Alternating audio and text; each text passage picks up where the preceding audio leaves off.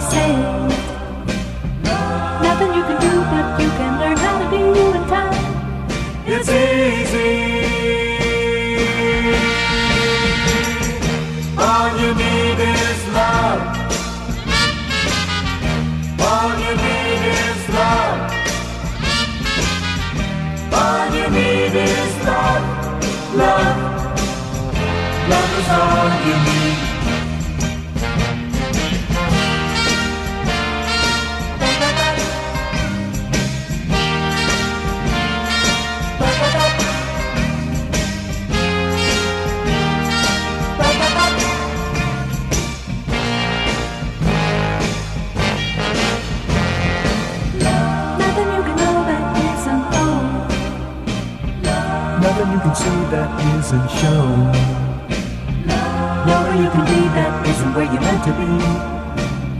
It's easy, easy, easy. All you need is love. All you need is love. All you need is love, love. Love is all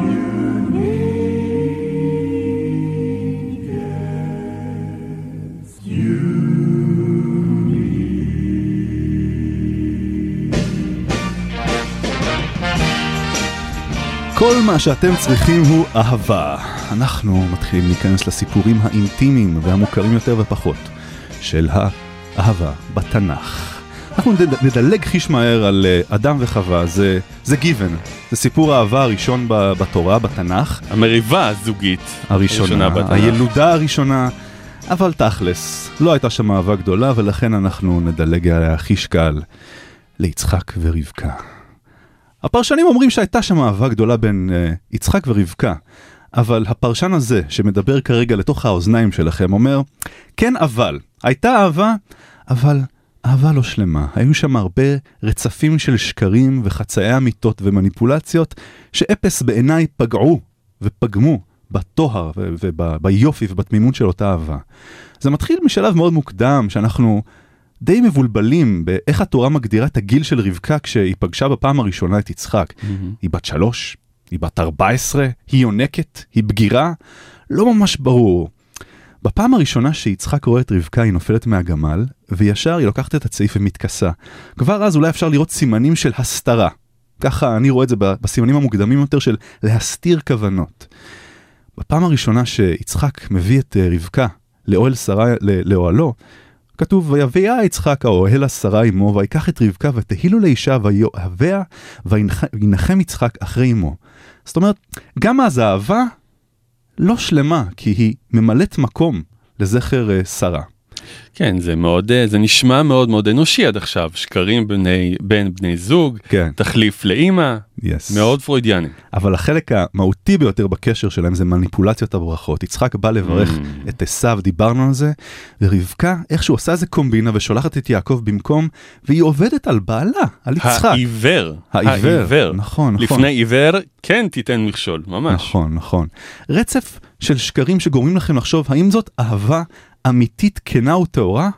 תרצה אתר כותבת בשירה אהבה יומיומית, שקרים שקטים, שקרים קטנים בתוך ליבנו ישנים.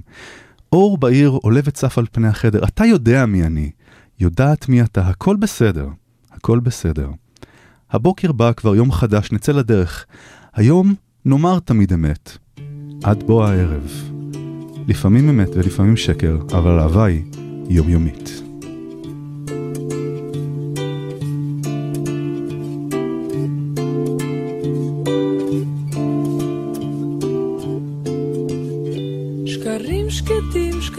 קטנים, בתוך ליבנו ישנים. על פני חווה צהלות סגולות ושלל צמחי המים. שתים הם הס על פני הזרם, שתים הם עצומי עיניים. שקרים שקטים, שקרים קטנים, בתוך ליבנו ישנים. ואור בהיר עולה וצף על פני החדר. אתה יודע מי אני, יודעת מי אתה. הכל בסדר,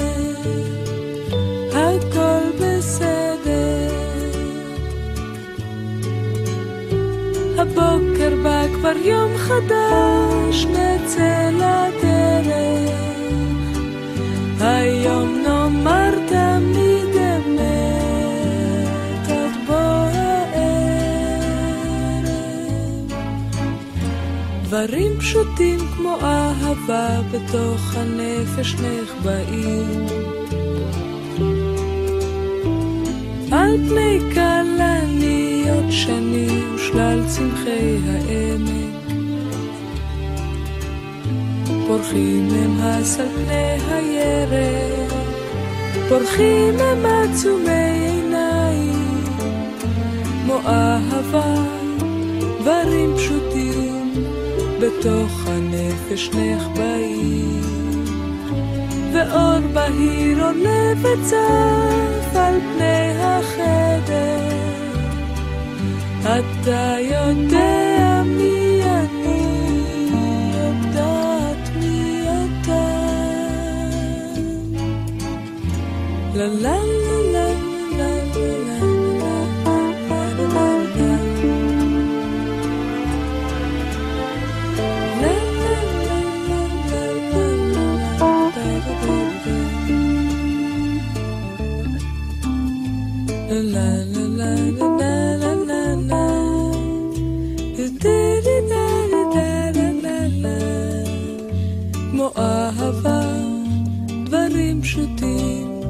בתוך הנפש נחבאים.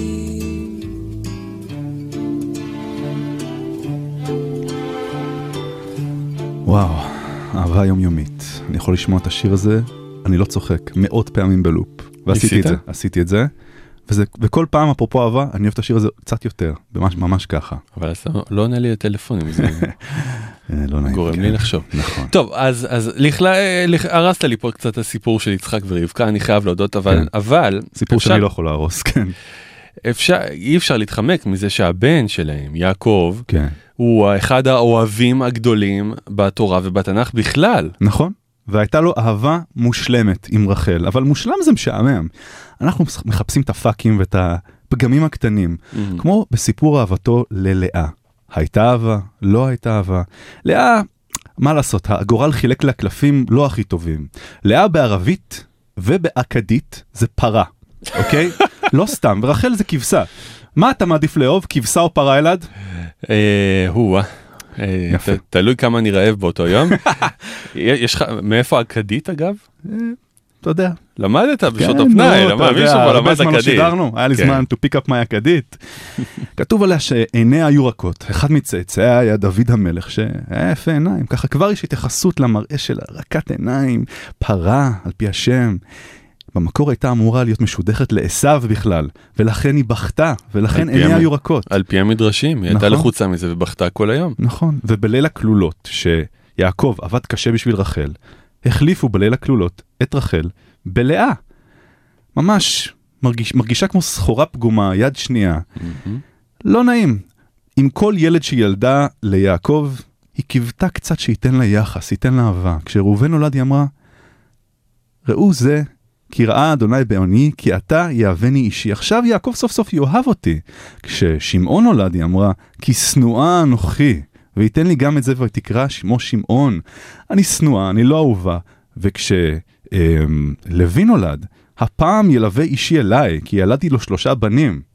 האמת שזה ממש קורע הלב, זאת אומרת, למרות שכבר אפשר להגיד שהתנ"ך לא מתלהב מאהבה רומנטית. נכון. הוא מבחינתו, מי שממשיך את המשפחה זה כן. מה שחשוב. נכון. אבל הוא כן נותן ביטוי נכון. ללב הנשבר של לאה. כן. תראה את השמות של הילדים, אתה ילווה אל האישי, כל כך מחכה לאיזה חיבוק חם, שזה נכון. קורע את הלב. עד שנוצרת סוף סוף הזדמנות, יום בהיר אחד בקיץ, אולי זה קרה בט"ו באב, לך תדע. ראובן בנה הבכור הולך בשדה ומלקט דודאים שהיו ידועים אז כמגבירי פוריות, אבל בעצם יש בזה אטרופין, אז לא, לא, לא מומלץ למאזיננו לנסות את זה. היא מביאה את זה הביתה ורחל אומרת, אוקיי, סבבה, תני לי את הדודאים האלה ואני אהיה פוריה, ואז לאה תקבל את הזכות במקומי לשכב עם יעקב הלילה. אני מדמיין לעצמי את אותו אירוע, את אותו משכב בלילה ההוא בין לאה ליעקב, שמקבל זכות עוד פעם, לעוד לילה אחד עם יעקב. והיא אומרת לו, אוקיי, אני יוליד לך בנים, ותאהב אותי עוד קצת. ויעקב בעיני רוחו, אנחנו יודעים שיש לו רוח הקודש, הוא, הוא יודע שמלאה שבט יהודה, שבט לוי, השבטים הכי חשובים יצאו ממנה. והוא אומר לה אולי, אוקיי, את לא מושלמת כמו אחותך, את לא יפה כמו אחותך, או בכלל, אבל, עדיין, את אהובה שלי, את אהובת ט"ו באב שלי.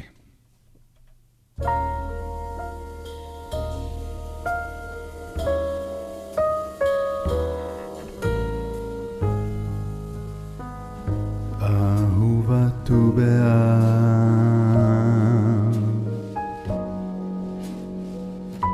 צוחק כה מאוהב.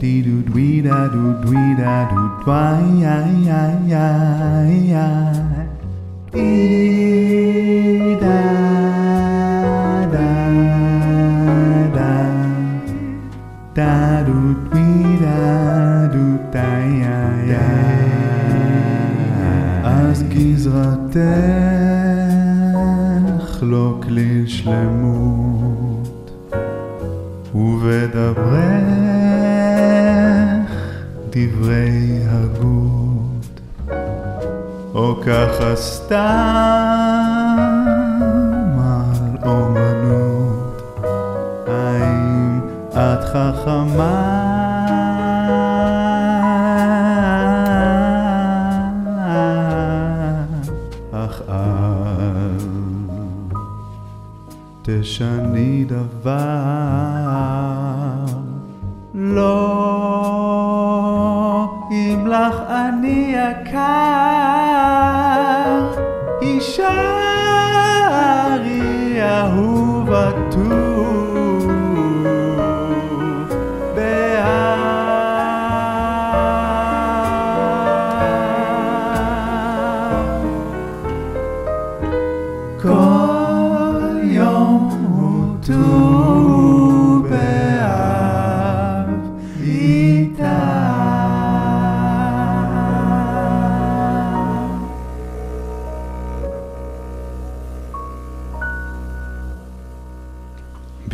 בכורה עולמי לשיר של צ'ט בייקר, My Funny Valentine, אני קורא לזה אהוב אותו באב. מילים לביא, לחן, וואבה, כל הזכויות שמורות של המילים שלי. סקיצה ראשונה בהחלט, הוקלט באוטו שלי. תודה, תודה. מדהים, אני מאוהב. הרדיו הבינתחומי. שלום, מדבר פרעה מלך מצרים. אתם מאזינים לפרשי השבוע עם עלעד ולוי. כן, כן, חברים, אז uh, אנחנו מאזינים לספיישל אהבות תנכיות של פרשי השבוע, וככה צלחנו לנו בקצרה את הסיפורים העיקריים של סיפורי התורה, ספר בראשית, וזה הזמן לצלול לנו אל התנ"ך, אל האזורים שעוד לא קדימה. חקרנו, ואנחנו נתחיל עם אחד הדמויות, אחת הדמויות הססגוניות. המדהימות ביותר בתנ"ך, דמות מספר שופטים, ואני מדבר על שמשון. סמפסון. A.K.A. שמשון הגיבור. ועל הבן אדם הזה פעם אנחנו נתפוס את הסיפור שלו ונספר לכם אותו בהרחבה. אנחנו בחרנו אחד מסיפורי האהבה שלו, ולא את המפורסם מביניהם, שמשון ודלילה, לא, את אשתו הראשונה, אהובתו הראשונה. אה, שמשון לא היה יהודי סטנדרטי. קודם כל הוא, הוא ממש אה, לא שיחק לפי הכללים אה, והייתה לו חולשה לנשים והייתה לו חולשה לנשים פלישתיות חברים. אהובתו הראשונה הייתה פלישתית אה, מצודדת מתמנע עיר פלישתית. היה הולך ברגל לבקר אותה. יום אחד בדרך אה, אה, קפץ עליו אריה כי זה מה שקורה לש... כשאתה שמשון הגיבור הוא לא התבלבל פתח פתח לו את הצורה וישסעהו כשסה הגדי. חזר כזה כמה ימים אחרי ובגבייה שלו אה, דבורים הקימו כן ו- והוא רדה משם דבש כמובן Mm. בידיים כי הוא שמשון הגיבור. כוורת כאילו. כן כן ובמסיבת האירוסין לאותה פלישתית מתמנע.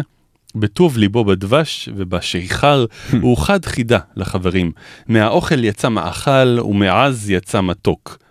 כנראה חידה שקשורה לדבש. כן. פרס גדול מאוד ויקר הוא הבטיח 30 חליפות בגדים. וואו. אך- ארמני? ארמני. ורסצ'ה. אה, ורסצ'ה. הפלישתי, כן. ה- הוא הבטיח שמי שיפתור את זה תוך כך וכך ימים יקבל את הפרס הגדול הזה. החברים של אה, אה, הפלישתית מתמנע נלחצו והתחילו לאיים עליה שהם יהרגו אותה ואת כל משפחתה אם היא לא תסחט את שמשון כדי שיגלה את התשובה. חבוב זה אוצלי גוצלי תנכי. לגמרי, לגמרי. וואו. ואז היא מציקה לשמשון ופה החולשה השנייה של שמשון זה נשים. ודמעות של נשים.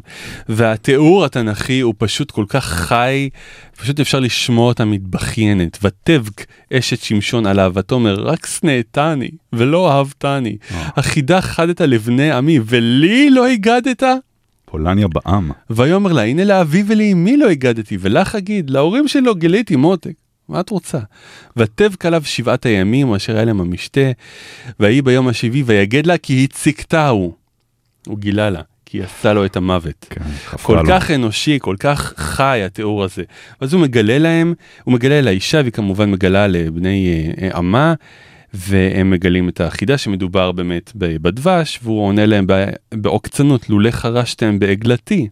לא מצאתם חידתי. הוא חוטף את הג'ננה וזה עוד מאפיין של אה, שמשון וכדי לשלם את הפרס המאוד מאוד יקר מאיפה הוא ישיג עכשיו 30 חליפות ורסאצ'ה פלישתי להרוג כמה פלישתים אולי? כמובן הוא הולך לאשקלון כן. לביא. לא- לא נעים, לא נעים. אתה ש- ב- בטח אני יכול- אני זוכר את אתה הימים בטח האלה. זוכר את הימים האלה. תקופה מאוד קשה. יורד לאשקלון, הורג איזה 30 פלישתים ומביא את החליפות, Oh. ומשם הסיפור האהבה בין שמשון לפלישתים רק מידרדר, אבל על זה נדבר מתישהו בהרחבה. מה שמאפיין מאוד מאוד יפה זה, זה האנושיות. אה, שמשון גיבור, לא מפחד מאריה, לא מפחד מפלישתים, מה שובר אותו? מה? הדמעות, הדמעות וההצקות של אשתו, והנה שיר אה, שמתייחס בדיוק בדיוק לנושא הזה בקאבר של אה, אה, אחד מענקי המוזיקה הברזילאית, ג'ילברטו ז'יל.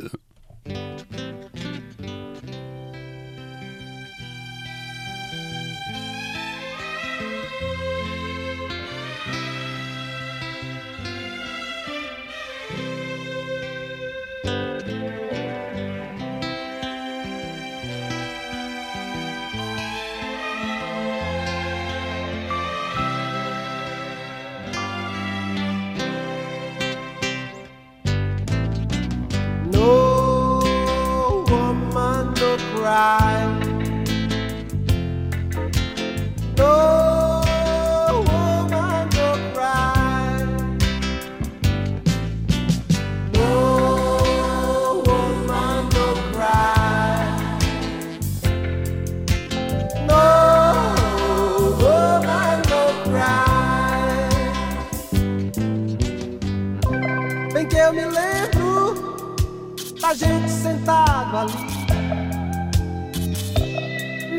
Da gente sentado ali na Na grama do aterro, sob o sol. Ob- observando hipócritas disfarçados rondando ao redor. Amigos presos, amigos sumindo assim, pra nunca mais. Recordações, retratos do mal em si. Melhor é deixar pra. Não, não chore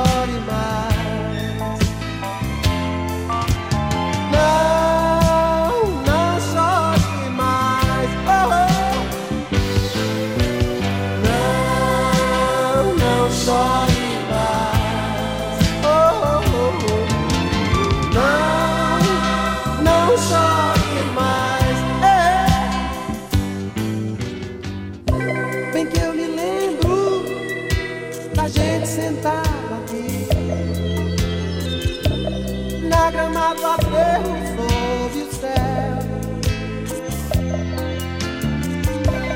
Ob- observando estrelas. Junto à fogueirinha de papel.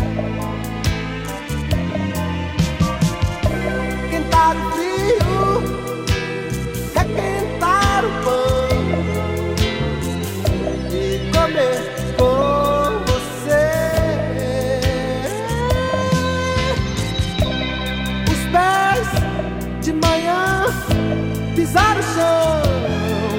sei a barra de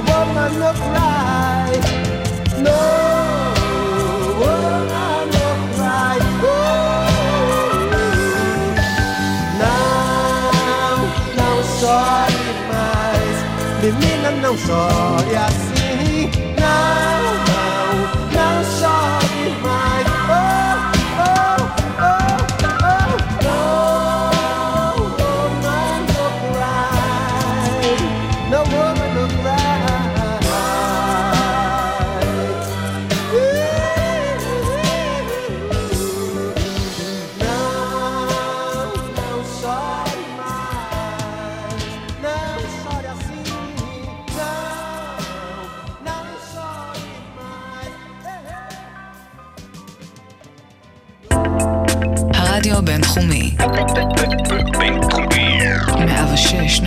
106.2 FM, הרדיו בבינתחומי. הרדיו החינוכי של המרכז הבינתחומי זה קול ישראל. 106.2 FM.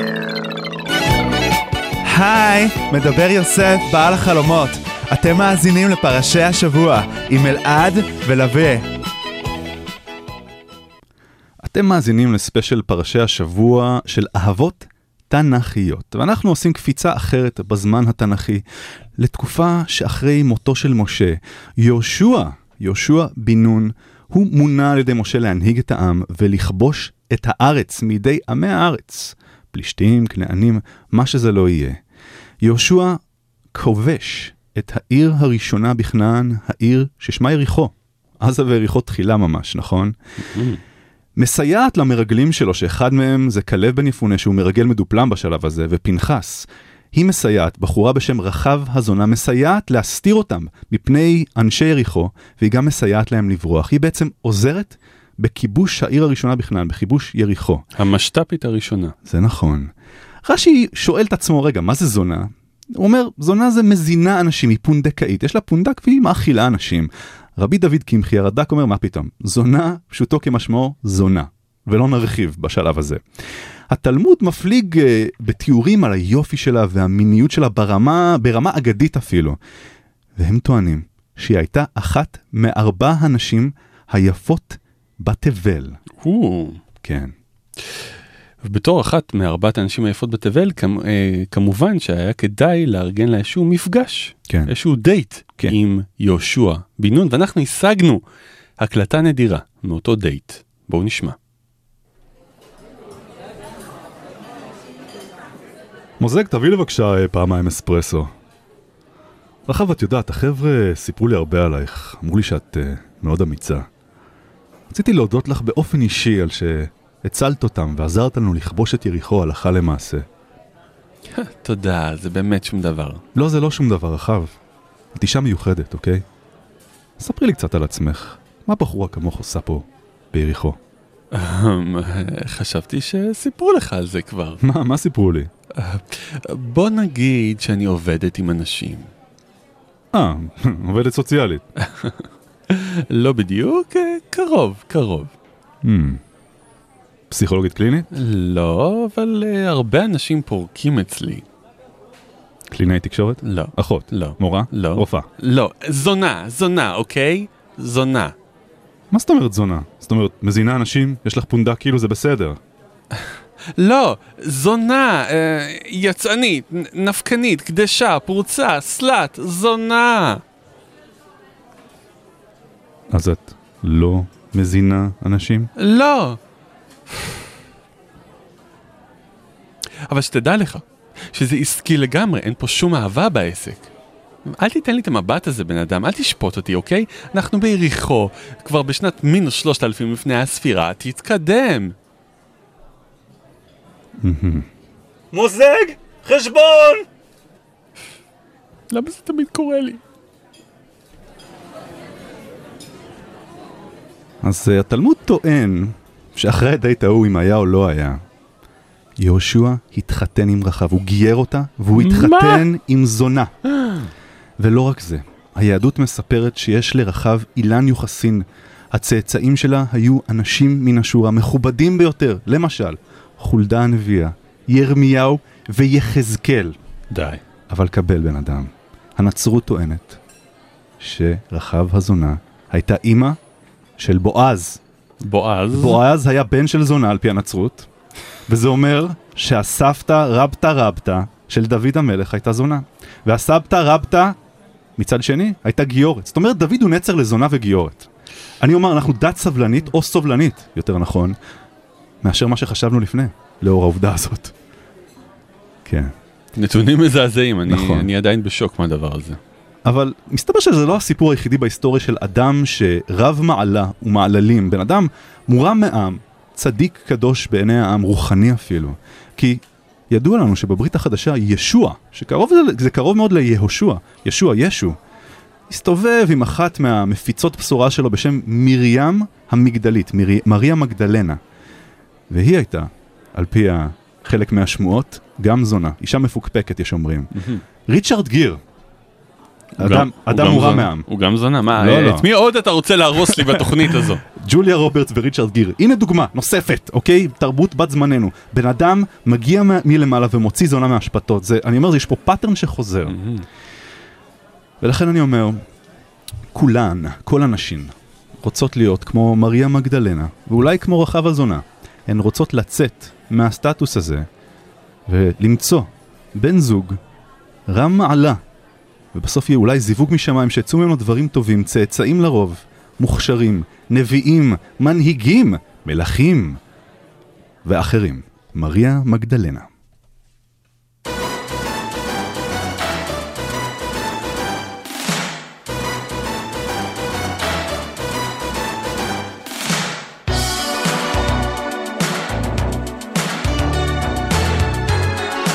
שיגעון! שיגעון! só chutarem.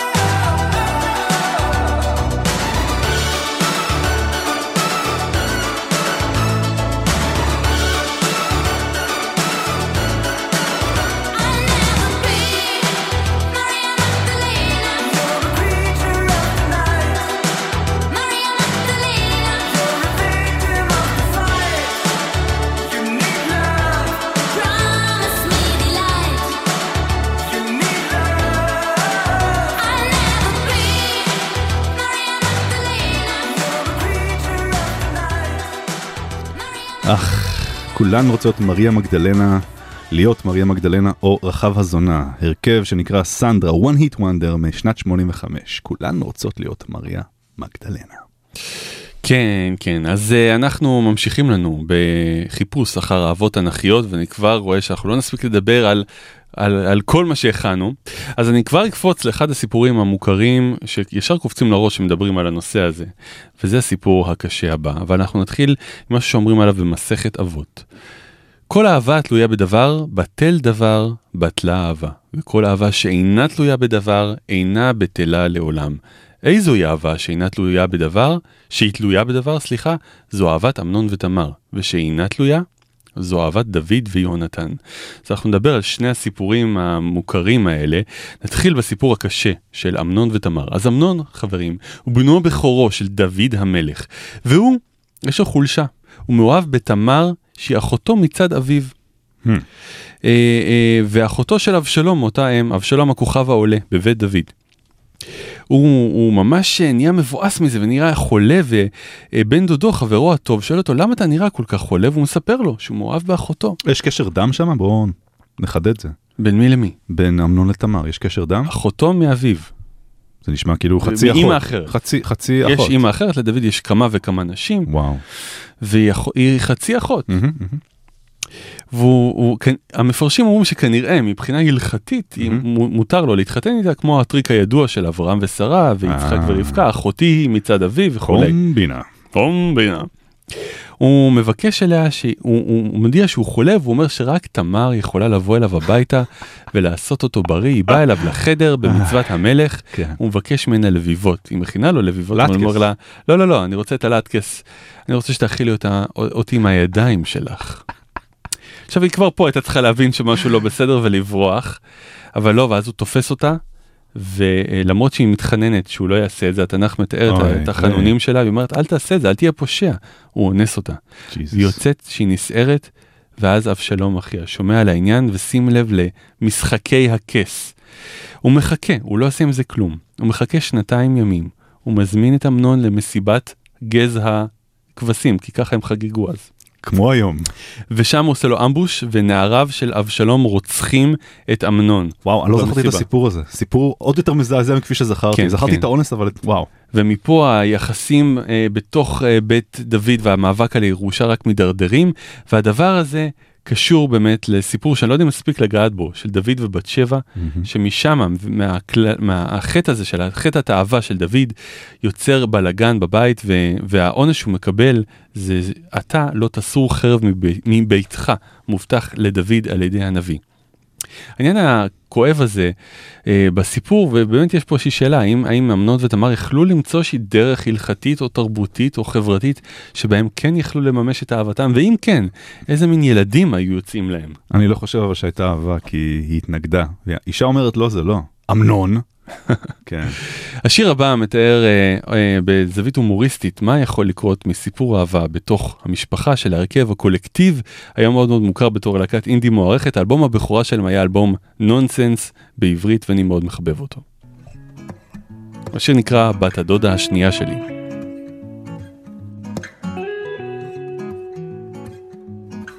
אני יודע, יש הרבה דגים בים. אני יודע, אף אחד לא מושלם. אני לא רוצה הצעות מההורים. אני לא רוצה ילדים מפגרים. אבל אני מסוגל להתאפק, ואין לי שום ספק. יש רק נערה אחת שנוטה עבורי, הדודה השנייה שלי.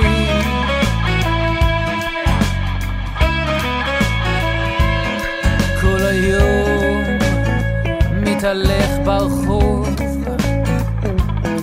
לא אוכל, לא הולך לישון. מדמיין אותה במיטתי ומחכה משפחתי, או, לבר מצווה חגיגי, אז אזכרה לאחד הדודים, להרגיש את שתורח עליו מתחכך באורי, בת הדוד השנייה שלי.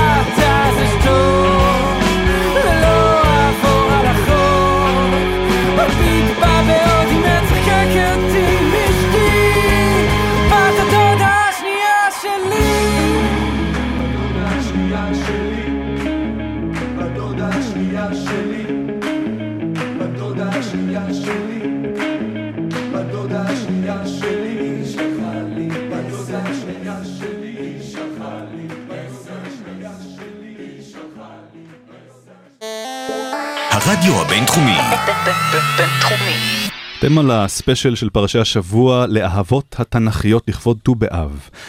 הזכרנו מקודם את יעקב ואהבתו לרחל שאומרים שהיא האהבה הגדולה ביותר בתנ"ך, אני חולק על זה, זה אהבה בין גבר לאישה אמנם, אבל האהבה הגדולה ביותר בתנ"ך היא אהבה בכלל בין גבר לגבר, בין או. דוד ליונתן. ומי שרוצה לחלוק עליי מוכן לכתוב לנו בפייסבוק בכיף אה, אתם מוכנים אה, אתם מוזמנים לחלוק אבל בוא בוא בוא נקשה עליכם. ניתן כמה פסוקים שיסבירו לכם למה זאת האהבה הכי גדולה בתנ"ך ואין עוררין בכלל ואפילו אין שום דבר שמתקרב לזה. אז יונתן פוגש בדוד בפעם הראשונה אחרי שדוד מנקנק את גוליית, כנראה זה מאוד הרשים אותו. וכתוב לנו במפורש, ונפש יונתן נקשרה בנפש דוד, ויאהבו יונתן כנפשו. ואני ממשיך בתיאורים המדהימים על האהבה ביניהם. ויוסף יונתן להשביע את דוד באהבתו אותו, כי אהבת נפשו אהבו. אזכור אחר.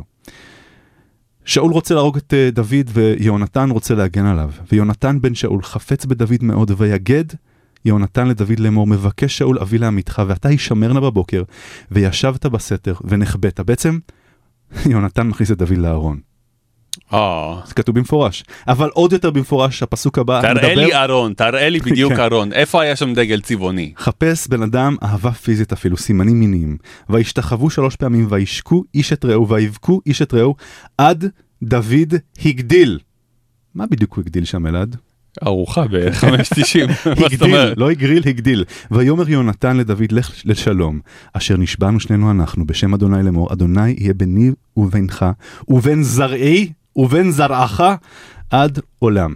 אני רוצה אבל לחלוק עליך, יש כן. פה, גם לאור מה שהמשנה אומרת, יש פה מושג של אהבת נפש. כן, ברור. ואין פה, אין פה אזכורים לתאווה, יש פה מושג אה, נפשו נקשרה בנפשו, אהבת כן. נפש. כן, וישקו איש את רעהו, מאוד אה, נפשי, פיזי. מאוד נפשי. כן, אה, כן. יעקב מנשק לעשו כשהם נפגשים. נכון, אבל כנראה המיצוי האולטימטיבי לאותה אהבה נמצא בפסוק הזה מתוך קינת דוד ליונתן ושאול. הם נהרגים בקרב מול הפלישתים, ודוד נפשו יוצאת אל יונתן ואומר, נפלאתה אהבתך לי מאהבת נשים. וואו. אני חושב, בן אדם בינינו, האורתודוקסיה הנוצרית והיהודית מתנגדת לתיאורים פיזיים של הומוסקסואליות בתנ"ך, אני יכול להבין את זה. אבל אם נסתכל בעיניים מודרניות, או פוסט-תנ"כיות, אנחנו יכולים להסתכל על התקופה הזאת. יש איזה חוקר בשם תום הורנר, בספרו ג'ונת'ן לוב דיוויד, בשנת 78 הוא אומר, באותה תקופה הייתה השפעה פלישתית אה, על, על דוד או על המלוכה של, של יהודה, והפלישתים היו בסדר עם הומוסקסואליות, הם היו בסדר. ואני אומר, באותה תקופה גם, סביבות 700 לפני הספירה, היה מה שנקרא גדוד הקדוש, או גדוד הקודש של תבאי, יוון העתיקה. 150 זוגות חיילים נאהבים, נלחמים זה לצד זה, מאהבים וחיילים, ואומרים שאהבה בשדה הקרב בין חיילים הגבירה את מאמצם בשדה הקרב. אז כמו יוסי וג'אגר של התנ"ך, אני חושב דוד, מלך ישראל, היה bisexual, ואולי שרו אז דוד מלך ישראל, bi bi sexual. ובואו נשמע שיר מ bisexual מפורסם אחר בשם מייקל סטייפ מ-R.E.M. ששר You and me. It speaks another world to me. זה עולם אחר לגמרי אולי מאהבת אישה. R.E.M.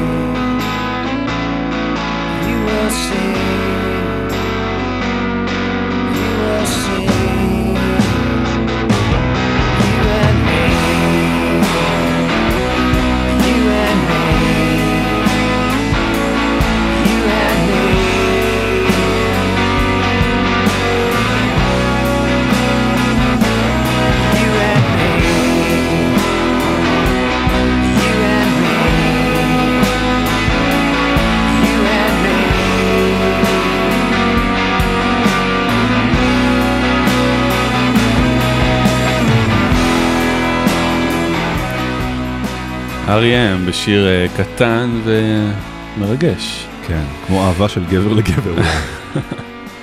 כן. הרבה אה, טיעונים הכנסת שם, אתם מוזמנים אה, למצוא אותנו בפייסבוק פרשי השבוע ולחלוק על אבי וגם לקבל את הכתובת שלו כדי אה, להתנקש בחייו, מי שרוצה. אז אנחנו כמעט בסוף הספיישל המיוחד שלנו על אהבות תנ"כיות וחסרה לנו אהבה אחת גדולה שיש בתנ"ך והיא אהבת האל לעמו. איזה יופי. ברוב התנ"ך מתואר, מתוארים היחסים בין האל לבני ישראל כמו יחסים בין גבר לאישה, לרוב על הצד השלילי בעל קנאי, אישה בוגדנית, אבל מגילה אחת מתארת את זה בתור שיר אהבה, בתור הלל לשיר אהבה ומדובר בשיר השירים. אה, שיר השירים אה, הוא ממש מגילה שיש בה המון המון המון פירוט גרפי כמעט של האישה מהעיניים שלה, לאף שלה, לצוואר שלה, לכתפיים, לחמוקיים. תיאור כמעט אה, אירוטי מפורש. אה, ו- והיו אנשים בימי קדם חז"ל ממש התלבטו האם זה ספר קודש או ספר מינות. Hmm. עד שקם רבי עקיבא, אחד מהענקים בתקופה ההיא, וקבע בצורה חד משמעית, אין, העול, אין כל העולם כולו כדאי כיום שניתן בו שיר השירים לישראל, שכל הכתובים קודש, ושיר השירים קודש קודשים. וואו. זה די חד משמעי. לגמרי. הוא די הבהיר בצורה חד משמעית. מה גרם לו לאהוב כל כך את השיר, את המגילה הזו, את שיר האהבה הגדול הזה, זה שהוא ראה בו אלגוריה, משל ליחסים האינטימיים והעמוקים בין עם ישראל לאלוהים. וכל פסוק שם, כל אה, אמרת אהבה מתוארת שם כשהוא רמז למשהו שעם ישראל והאל עברו ביחד, מסע במדבר, הר סיני, חורבן הבית וכולי. נפלא. ובאמת בקהילות ישראל נוהגים לקרוא את שיר השירים בפסח.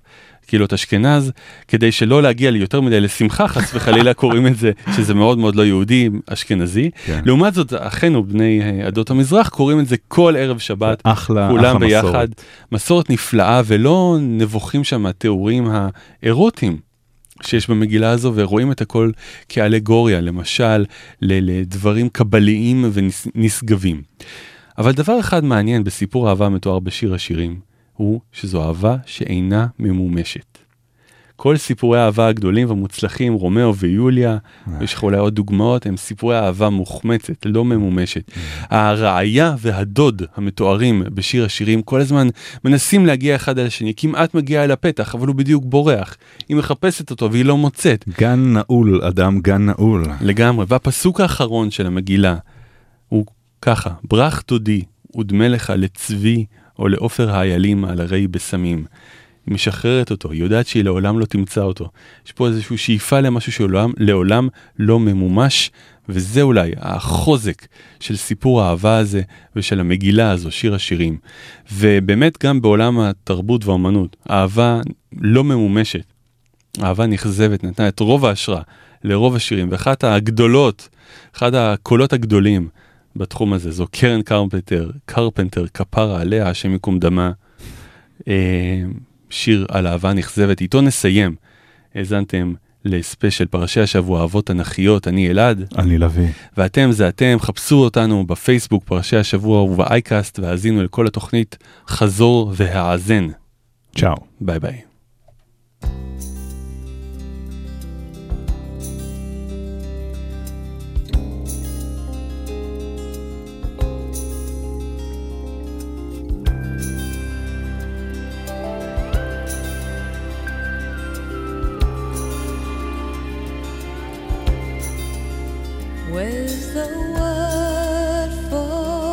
Sadness? Where's the poetry in the pain? Where's the color in the stain? Where the tears have fallen, it's gone. It's just gone. Where's the method to this madness. As we create this suffering and we do each other in and we still hold on but it's gone. It's just gone. says it's gone and he can't go on living a memory, mulling it over endlessly. Why is that so hard for me to see?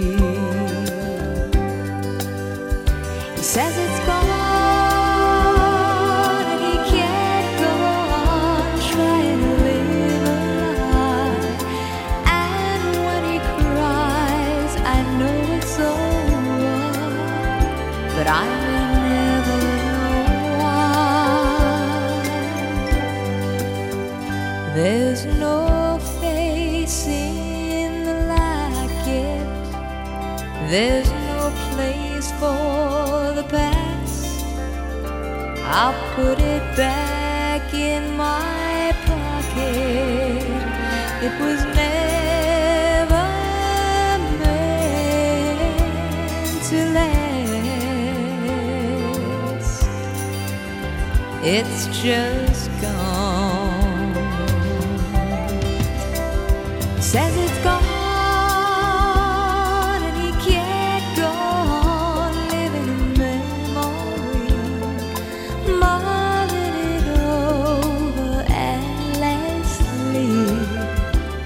that's so hard for me to see. Says it's gone.